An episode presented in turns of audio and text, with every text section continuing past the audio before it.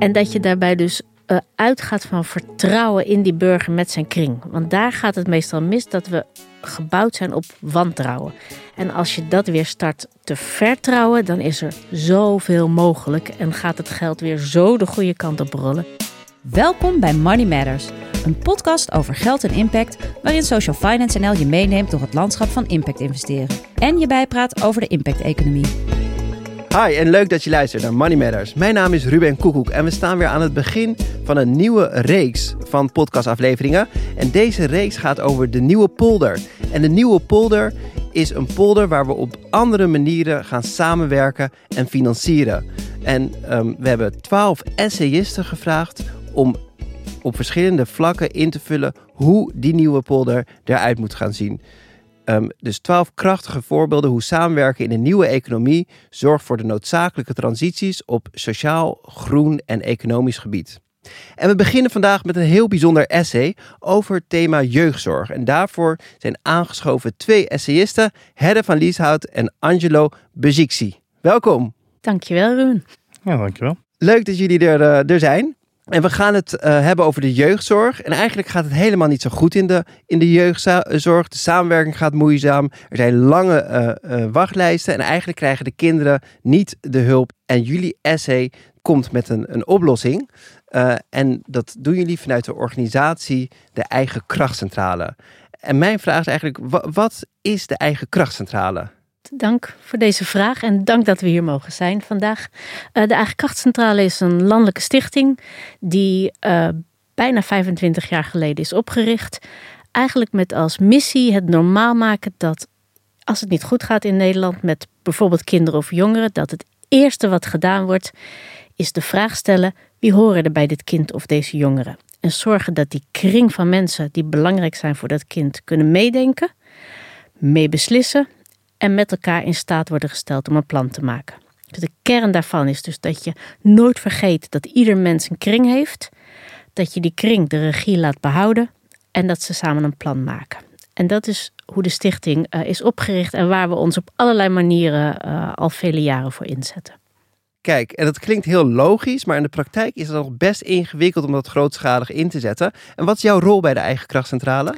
Uh, formeel uh, ben ik de bestuurder, maar we zijn uh, een hele platte organisatie en proberen te doen wat we uitdragen. En dat betekent in kringen werken. Dus ik hoef eigenlijk nooit in mijn eentje besluiten ergens over te nemen. Um, maar dat doen we met elkaar. Dus wat mijn rol dan is, is eigenlijk landelijk ondersteunen en doen wat nodig is om de missie verder te brengen. En, en hoe ben je zo betrokken geraakt als, bij de eigen krachtcentrale? Uh, eigenlijk doordat uh, de kleine groep mensen um, die dit ooit gestart zijn in Nederland, uh, een klein clubje pioniers, Rob van Pagé als de oprichter van de centrale, um, doordat ik die kende vanuit de pleegzorg met name. En ook weer vanuit mijn privéleven opgegroeid, zijnde in een gezinshuis. Um, waren de mensen rond mij, mijn vader onder andere en andere mensen, heel erg betrokken bij dit gedachtegoed op die manier ook bezig in de pleegzorg. En die kleine club is uh, toen gestart met het idee van eigen kracht, conferenties. En heeft de centrale opgericht. En um, ik uh, kende hen al en na een aantal jaren uh, heb ik me erbij aan kunnen sluiten. Dankjewel. Dus het werk van de jeugdzorg is eigenlijk een rode draad door, door jouw leven. Absoluut. En dan met name het denken in kringen en besluiten daar nemen. Dat is echt door mijn hele leven uh, gevlochten. Ja. Dankjewel. Maar je hebt het essay niet alleen geschreven. Angelo, Zeker. welkom. Ja. En wat is jouw rol bij de eigen krachtcentrale? Ik ben uh, regiomanager in Gelderland en Overijssel. En uh, ja, eigenlijk uh, vergelijkbaar met wat de HEDA doet, alleen dan uh, in die eigen regio. Um, en ik probeer op landelijk niveau ook mee te denken en te zorgen dat de eigen krachtcentrale verder komt. En hoe ziet een typische dag van jou eruit? Een werkdag? Oh ja, dat is heel verschillend. Uh, Als je geen podcast opneemt. Ja, ik wou zeggen, dat ligt een beetje aan wat voor dag ik heb. Ja, over het algemeen uh, ben, ik, uh, ben ik eigenlijk altijd bereikbaar voor, voor de coördinatoren waarmee we samenwerken. ik word vaak gebeld door organisaties die graag willen dat we meedenken of er een mogelijkheid is tot een eigen krachtconferentie. We zijn ook vaak bezig met het proberen om de financiering te regelen voor een conferentie. ja, soms zijn we bezig met een training, soms hebben we een presentatie die we geven. Verschillende taken. En hoe ben jij betrokken geraakt bij de eigen krachtcentrale? Um, ik ben zelf uh, vanaf mijn 13 tot mijn 18e in de jeugdzorg opgegroeid. En op mijn 18e heb ik een uh, project opgezet, dat heet het Jongerennetwerk. Het project bestaat nog steeds. Uh, vanuit die gedachtegoed bedacht dat als het gaat over jongeren, dat jongeren ook mee moeten praten en mee moeten beslissen. Um, later ging ik werken in de jeugdzorg en uh, ik ken eigenlijk de voorganger van, van, van deze functie, Joost, Joost Witloks. Uh, die kende ik en toen ik op zijn LinkedIn zag dat, dat deze functie vrij kwam, dacht ik ja, dat is wel heel, heel erg leuk en dat past heel goed bij mij. Ja, en in deze podcast gaan we erover hebben hoe we de jeugdzorg anders aan moeten pakken om die problemen waar eigenlijk al jaren over gesproken worden. Allemaal systeemveranderingen die jullie ook in de essay beschrijven. Mooi op papier, maar het werkt niet. Um, maar we gaan het heel praktisch hebben hoe uh, de eigen krachtcentrale of het, de Family Group Conferences waar jullie achter staan, hoe dat het verschil kan maken en ook hoe we op die manier kunnen samenwerken en financieren. Um, dus nou, uiteindelijk moeten mensen gewoon een nieuwe polder lezen en het, uh, het essay. Um, maar um, we gaan er even vanuit dat, dat, uh, dat de luisteraar dat nog niet heeft gedaan. Dus wat is een Family Group Conference? Ja, heel kort gezegd is een Family Group Conference, wat wij in het Nederlands vertaald hebben naar een eigen krachtconferentie, is een bijeenkomst rond in de jeugdzorg een kind of jongere. Met alle mensen die voor hem of haar belangrijk zijn, um, die kunnen meedenken en waar uiteindelijk een plan gemaakt wordt voor de vraag. En het grote verschil um, met hoe het meestal gaat in de jeugdzorg, is dat als er zorgen zijn over een kind, komt er een professional en die ziet die zorgen en die gaat nadenken over een oplossing. En um, voordat je het weet in Nederland um, wordt die oplossing gevonden binnen jeugdzorg of jeugdbescherming. En um, uh, als ze er niet uitkomen, gaat het verder naar een andere professional. En voor je het weet, heeft een kind meer en meer professionals om zich heen. En wat er nu vaak gebeurt in Nederland, is dat in al die stappen steeds over wordt geslagen om te vragen aan het kind wie zijn belangrijk voor je. Wie waren belangrijk voor je? Wie kunnen meedenken? Wie wil je erbij hebben? En dat dus een kind dat in jeugdzorg terechtkomt of zorg krijgt, steeds meer en meer professionals heeft. En mede daardoor minder en minder contacten met zijn eigen mensen. En um, nu wordt er wel vaker gevraagd: um, heb je netwerk? Uh, wie kunnen helpen? Maar echt investeren in wie zijn belangrijk voor je en zorgen dat die mensen mogen meedenken en mogen meebesluiten, gebeurt eigenlijk nauwelijks. Ja. En dat verschil is wat we in een eigen krachtconferentie proberen te doen. Ja, steeds vaker zie je dat, dat, dat het netwerk wel wordt betrokken en dat die wordt ingezet. En dat inzetten, dat, dat, dat past helemaal niet bij hoe wij denken. Want wij gaan ervan uit dat dat netwerk er gewoon is. En dat is het vertrekpunt. Dat die mensen die belangrijk zijn voor een kind er zijn. In plaats van dat ze gebruikt kunnen worden, uh, zijn zij een onderdeel van, nou ja, hè, zoals ze dat ook wel eens noemen, de kwestie. Er is iets aan de hand en daar moet een plan voor bedacht worden. En in Nederland zijn we heel goed in om ergens een sticker op te plakken en dan de professionals het werk te laten doen of het te medicaliseren. Maar er zijn culturen waar dit veel meer al in de cultuur zit en waar ook de eigen krachtcentrale op gebaseerd is. Welke cultuur is dat? Hoe, uh, de oorsprong, uh, ja. ja. nou, dat kan Hedda veel mooier vertellen. Nou, kan jij ook, Angelo. Maar de oorsprong van de eigenlijk van alles wat wij geleerd hebben zit aan de andere kant van de wereld uh, in Nieuw-Zeeland. En eigenlijk zeggen wij altijd, we hebben twee bronnen van inspiratie in Nieuw-Zeeland. En de eerste bron, dat is eigenlijk de belangrijkste, uh, zijn de Maori's. En wat wij heel erg geleerd hebben um, van hen, is om als er een kwestie is, zoals Angelo zo mooi zei, je niet moet uitsluiten, maar moet insluiten. En dat betekent dat als er een kwestie is, een vraag, zorgen rond een kind of een persoon, dan is het eerste wat je doet aan die persoon vragen: wie horen erbij? Bij jou, bij wat er gebeurd is. En laten we zorgen dat die mee kunnen denken. En wat ze daar dus gewoon in hun cultuur doen, is die mensen er keer op keer op keer bij vragen. En zeggen: jongens, we hebben jullie nodig. Niemand redt het alleen. En dan zitten ze met elkaar in een kring en praten ze over um, wat er aan de hand is, totdat ze eruit komen. En zo nemen zij besluiten. Dat zit in hun cultuur. En wij hebben daar heel erg van geleerd om dus echt te gaan investeren in wie horen bij dit kind. En die stap nooit over te slaan. Dat is echt essentieel. En hoe gaat dat dan? Wel, nog even de tweede bron, Ja, want dat is ja, ook nog ja, wel een nog- belangrijke. eh, die kan kort, maar dat is ook een hele belangrijke bron. Dat is de overheid van Nieuw-Zeeland. Die namelijk in de jaren tachtig twee problemen hadden. Het eerste probleem hadden ze met de Maori's. Die zeiden, het kan niet kloppen dat veel meer van onze kinderen uit huis geplaatst worden. In kindertehuizen terechtkomen, in jeugdgevangenissen. Zonder dat we ze weer terugzien. Daar moet iets, een andere manier. eh, en die andere manier moet veel meer aansluiten bij onze manier van besluiten nemen. Tweede probleem was een financieel probleem. Nou, die herkennen we nu wel eh, in ons land. De jeugdzorg zoals ze hem hadden ingericht was zo gericht op professionals. Zo vanuit het idee dat er voor ieder probleem een loket en een functie moest komen. Dat dat niet meer betaalbaar was. Wat de overheid heeft gedaan is panels ingericht in het hele land en aan de mensen in het land gevraagd hoe kan het anders? Nou, een beetje wat wij nu hebben beschreven in het essay. Want de uitkomst was je moet veel meer aansluiten bij mensen zelf en denken in kringen en vertrouwen dat kringen rond mensen heel goed weten wat er aan de hand is, wat er nodig is, heel goed in staat zijn om daar zelf iets aan te doen en aan te geven wat ze nodig hebben. En die overheid heeft toen in 89 de wet veranderd en in de wet gezegd er worden vanaf nu geen besluiten genomen over kinderen of jongeren voordat er een Family Group Conference is geweest, de eigen krachtconferentie. Dus dat betekende dat vanaf dat moment het normaal werd dat kringen na gingen denken over de kwesties, plannen maakten en dat de hulpverlening aansloot bij die plannen en ook de financiering volgens die plannen gebeurde. Nou, zo, wij hadden toen contacten daar en wij dachten dat is interessant, zou hier ook moeten. We zijn begonnen bij de ministeries, die zeiden hartstikke boeiend, we gaan de wet nu niet veranderen, maar ga maar in de slag. Aan de slag en zo zijn wij eind jaren 90, 2000 stapje voor stapje begonnen. En in 2015 is het dus wel in de wet gekomen hè, dat je het recht hebt op een eh familiegroepsplan.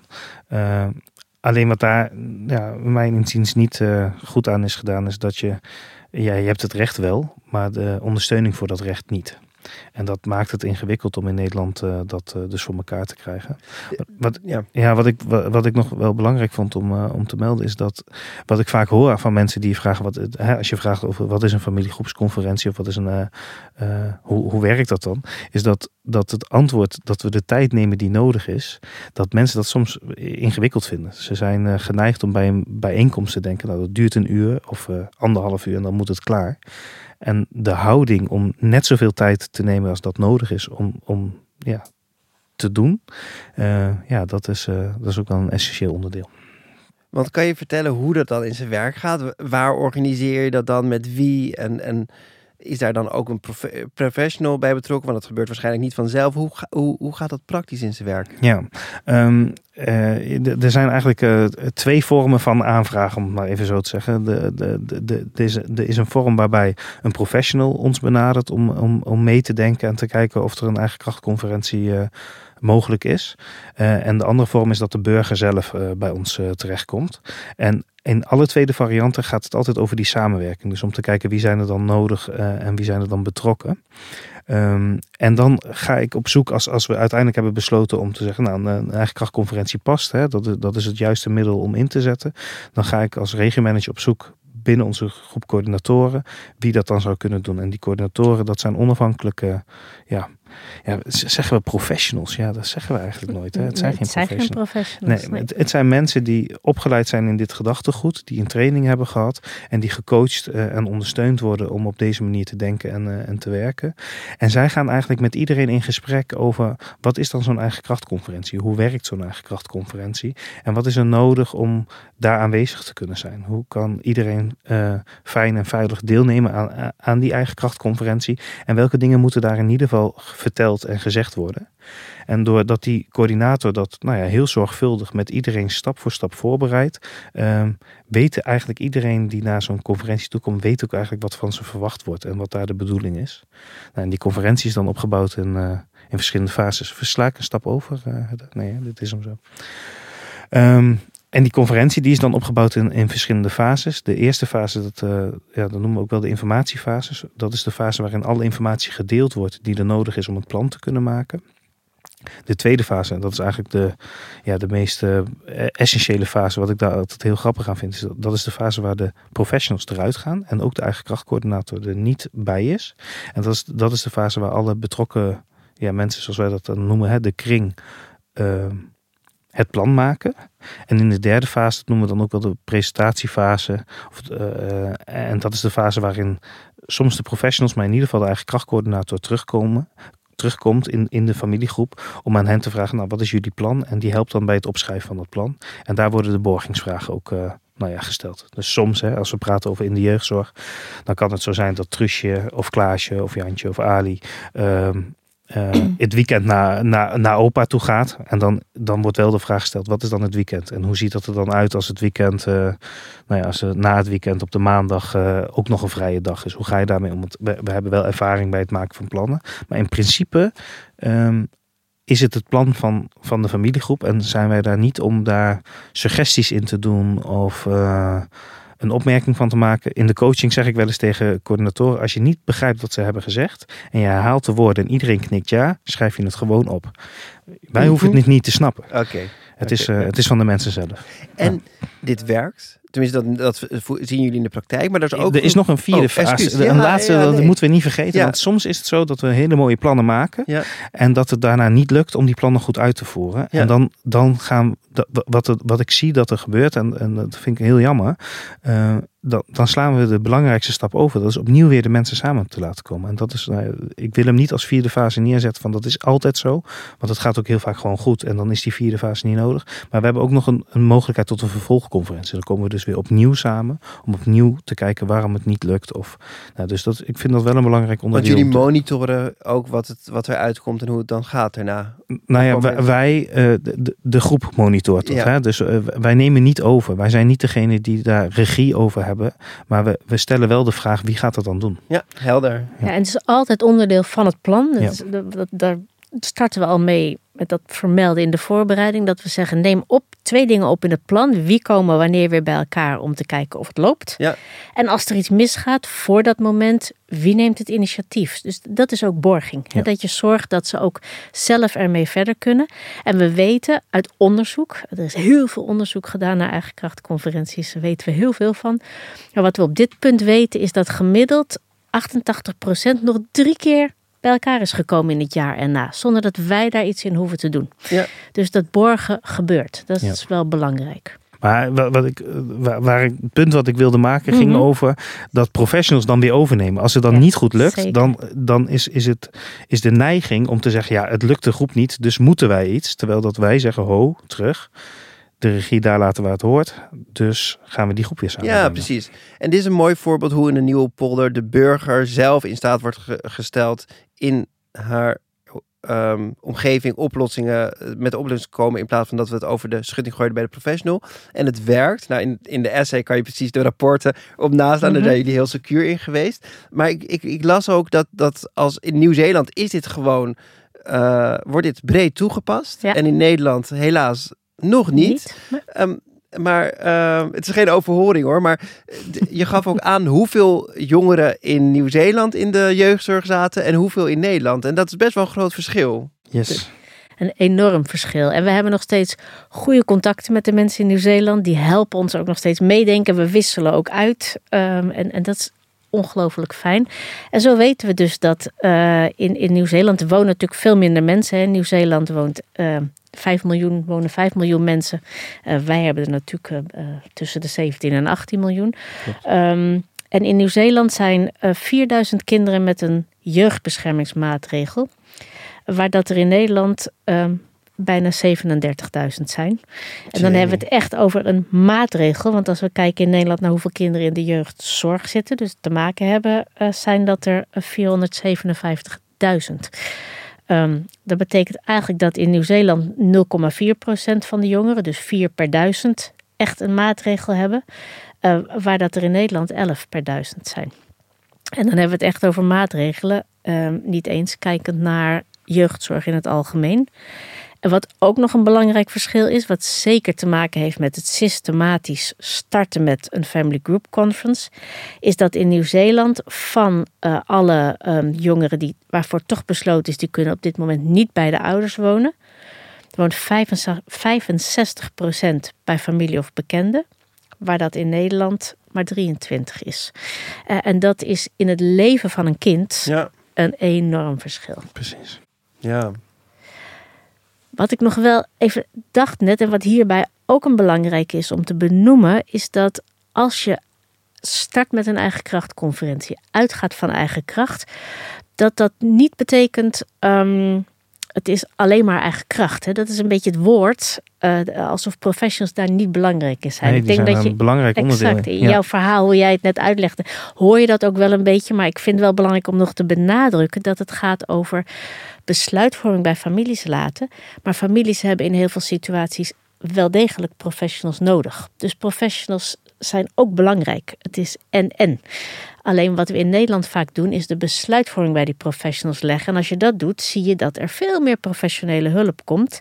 Terwijl als je besluitvorming bij de kring neerlegt, familie, vrienden, buren, bekenden, um, blijkt dat zo'n 80% van de dingen die ze bedenken, gaan ze zelf doen. En 20% zijn vragen voor professionals. Dus er is veel minder zorg nodig. Maar er is nog steeds wel zorg nodig. En ik vind het echt belangrijk om te benadrukken dat dit dus niet een model is die zegt: burgers doen het helemaal zelf. Daar zit de kern niet. Snap ik. En um, nou, dus het, het, het werkt. De podcast heet Money Matters en het Mhm. gaat over in een nieuwe polder over financieren. Dus we, het is belangrijkste is dat het eh, werkt voor het kind, Ja. maar er zitten ook geldstromen eh, achter. Um, Ja, want als samenleving kunnen we enorm veel geld besparen door dit op te pakken, toch? Zeker. Eens. Kun je daar iets over zeggen? Ja, eh, in- de essay hebben we daar mooie cijfertjes en tabelletjes voor bedacht. Ik pak hem er even bij hoor. Ja, nou, wat, ik belangrijk, wat daar een heel belangrijk onderdeel in is, is dat als regiomanager ben ik in gesprek met verschillende gemeentes om te kijken uh, hoe zorgen we nou dat we die financieringstroom hebben. En we hebben als eigen krachtcentrale uh, een manier bedacht waarop we dit, uh, dit, doen. En da daar hebben we ook nog wel eens ja, onze vraagtekens, niet onze vraagtekens, maar ik moet het even anders verwoorden. Maar um, de financieringstroom is nu gebaseerd op een conferentie. Dus de aantal conferenties die we doen, dat bepaalt hoe we, hoe we, hoe we, hoe we onze organisatie kunnen vormgeven. En ik zou veel meer toe willen nadat we het eigen maken, dat we op deze manier werken. Dus die financieringstroom zou ik ook al een verschil in willen maken. Dus, dus, dus wij zijn ooit zo ontstaan en we zijn zo gaan werken. Maar ik ben nu vooral ook in mijn werk in gesprek met, uh, met collega's en maar ook met, uh, met gemeentes over hoe, hoe kunnen we die financieringstroom nou zo maken dat ons werk altijd gebeurt en dat deze werkwijze altijd toegepast kan worden. En dat dan de, afrekening niet op, op per conferentie uh, hoeft te gebeuren. Maar als we kijken naar de, in de essay staat ook wel het inzet van 100 conferenties hebben we dan genomen.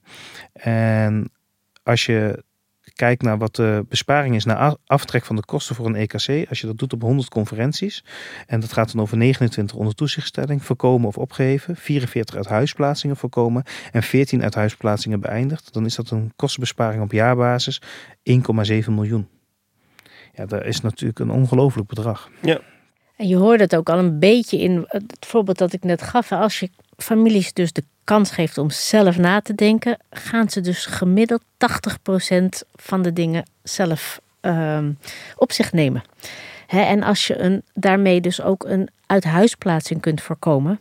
Los van wat natuurlijk het allerbelangrijkste is, de, de, tranen voor kinderen, de ellende die het veroorzaakt, levenslang vaak. Dat is natuurlijk het allerbelangrijkste. Maar is dat gewoon per kind een ongelofelijke kostenbesparing? Dus uh, de wetgeving is er. Mm -hmm.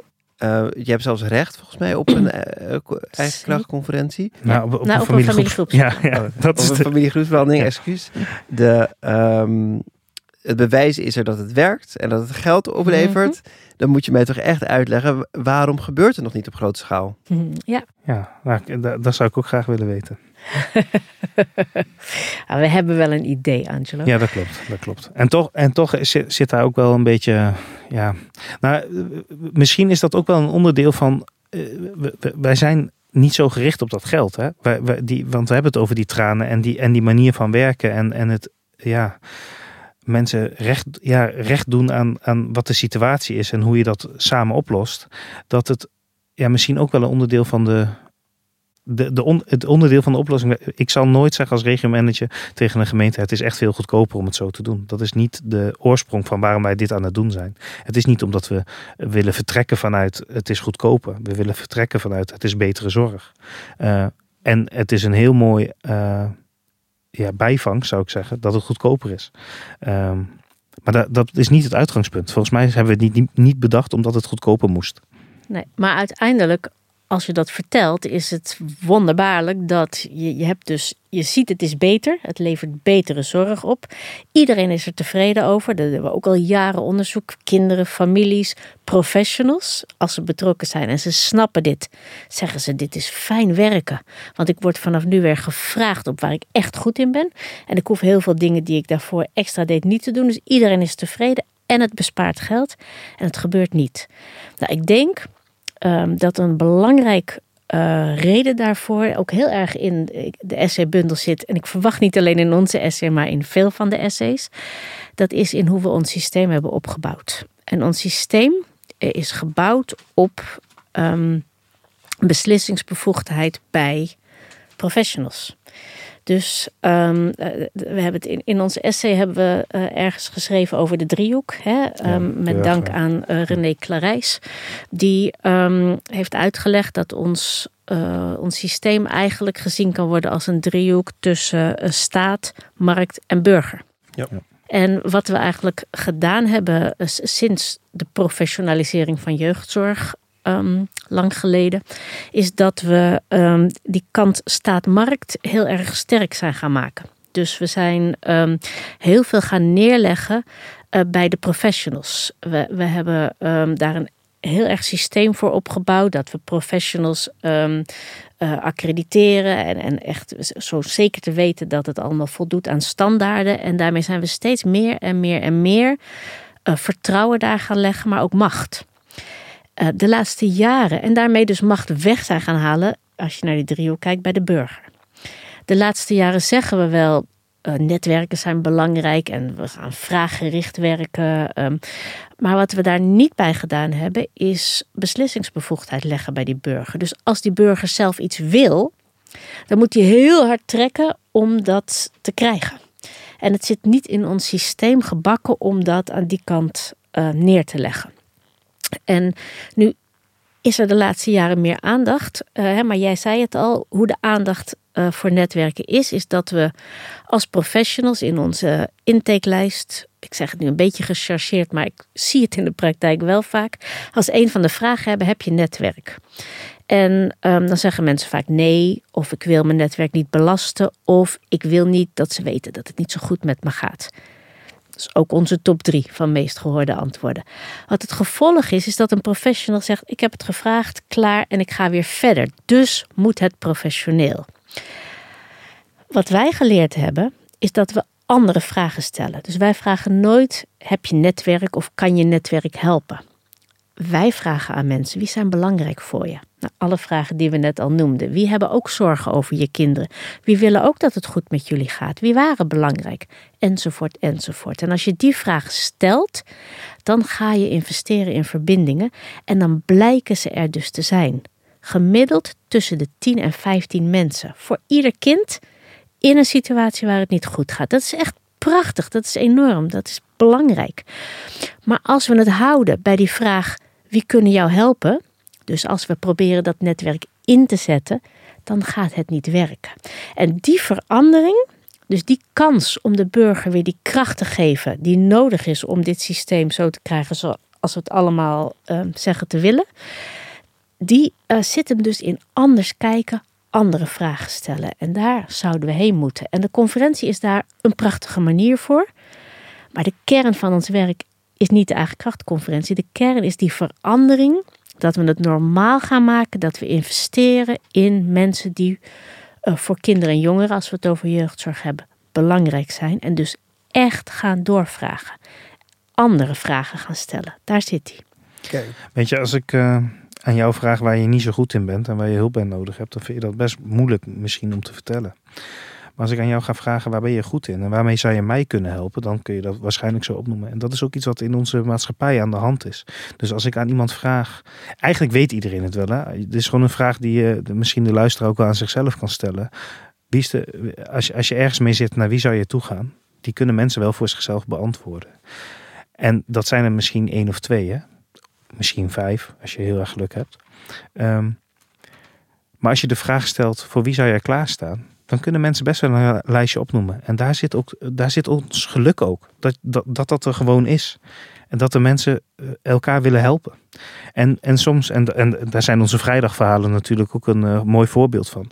Soms zit het in hele simpele, kleine dingetjes. Wat de oplossing is voor een heel groot, duur probleem.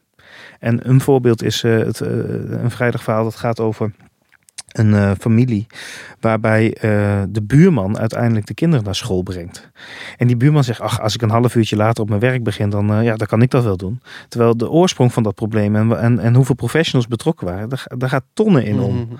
Terwijl die buurman zegt, ach, als ik een half uurtje later op mijn werk kom, is dat ook prima. Opgelost. Die kende die kinderen al. Die kinderen waren al nou, meer dan tien jaar betrokken. Hè. Die, die man die, die heeft die kinderen zien opgroeien. En die vond dat geen moeite. En, en, en, en, daar, zit, ja, daar zit de essentie van eigen kracht. Dat ik denk, ja, de, oplossing, ja, dat is ook iets. Hè. Misschien moeten we dat ook niet vergeten. Professionals, want dat is een belangrijk onderdeel van mijn werk. Uh, ik ben vaak in gesprek met professionals over dat dat wat er uit het plan komt, dat dat genoeg is. Dat dat voldoende is en dat we vertrouwen moeten hebben in dat wat een ander bedenkt als oplossing voor een probleem, dat dat misschien niet de oplossing is die ik zou bedenken, maar dat dat ook een goede oplossing is. Dus dat je ook het, ja, als je, als je werkt met eigen kracht, dus ook toe moet laten om je eigen opvattingen over hoe het opgelost moet worden, om dat los te laten. En als professionals dat kunnen, uh, en dat kunnen ze gelukkig ook heel vaak, ja, uh, ja dan komen daar geweldige plannen uit. Zeker. Kijk, ja. ik denk dat het mooi is om mee, uh, mee af te ronden. Um, en ook als je kijkt naar in waarom het in de oude uh, polder nog niet gebeurt, ondanks dat er wetgeving voor is, ondanks dat er bewijsvoering voor is, en in de nieuwe polder hopelijk wel, is dat, dat we beslissingsbevoegdheden weg moeten houden van markt en overheid naar de burger toe. Dat is uh, misschien wel de kern van waarom, uh, wat erachter zit om dit, dit te laten werken. Dat we iedereen, iedereen's mindset de burger in zijn eigen kracht wordt gezet. Ja, en, en, en zelf met de oplossing mag komen. Ja. En dat je daarbij dus uh, uitgaat van vertrouwen in die burger met zijn kring. Want daar gaat het meestal mis dat we gebouwd zijn op wantrouwen. En als je dat weer start te vertrouwen, dan is er zoveel mogelijk en gaat het geld weer zo de goede kant op rollen. Voor mij zit daar de kern. Er zitten een aantal kernwaarden onder, hè, die eigenlijk uh, al vanaf het begin van de eigen krachtcentrale centraal staat. Dat is, niemand kent de familie beter dan zijzelf. Actieve betrokkenheid van de familiegroep is essentieel voor een goed resultaat. De familiegroep is vrijwel altijd de beste plek om oplossingen te vinden.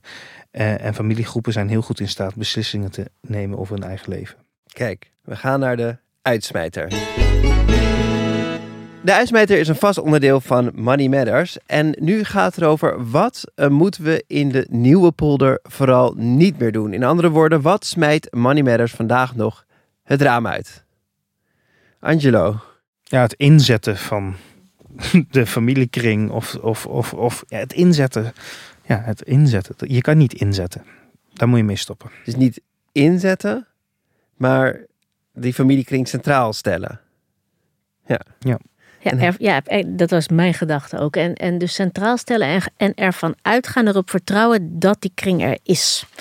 Uh, als we dat doen, um, dan gaan we dus ook andere vragen stellen. Dus niet aan een keukentafel vragen uh, welk familielid kan jou helpen voor dat onderdeel van een plan dat eigenlijk al gemaakt is. Dat is namelijk inzetten.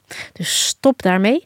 Stop met denken vanuit um, de professional. Ik heb een plan gemaakt en ik ga daar familieleden bij kiezen. En start met loslaten en gewoon denken die familie, precies de zin die jij net uh, benoemde, de familie kring, en dat kan ook een groep vrienden zijn, zij weten wat er nodig is en ik ga daarop vertrouwen. Dus stop met het inzetten van familieleden en stop met wantrouwen. En start met vertrouwen. Dankjewel. Daarmee zijn we aan het eind gekomen van, uh, van deze aflevering. Dank jullie wel voor je bijdrage, uh, Hedda en Angelo. Um, en dank voor het luisteren. Productie Daniel van de Poppen van Spraakmaker Media. Redactie Daphne Sprecher, Sam Wansing en Gideon Bundel. Inhoudelijk partner Circle, onderdeel van ABN AMRO en Vriendenloterij het Oranje Fonds.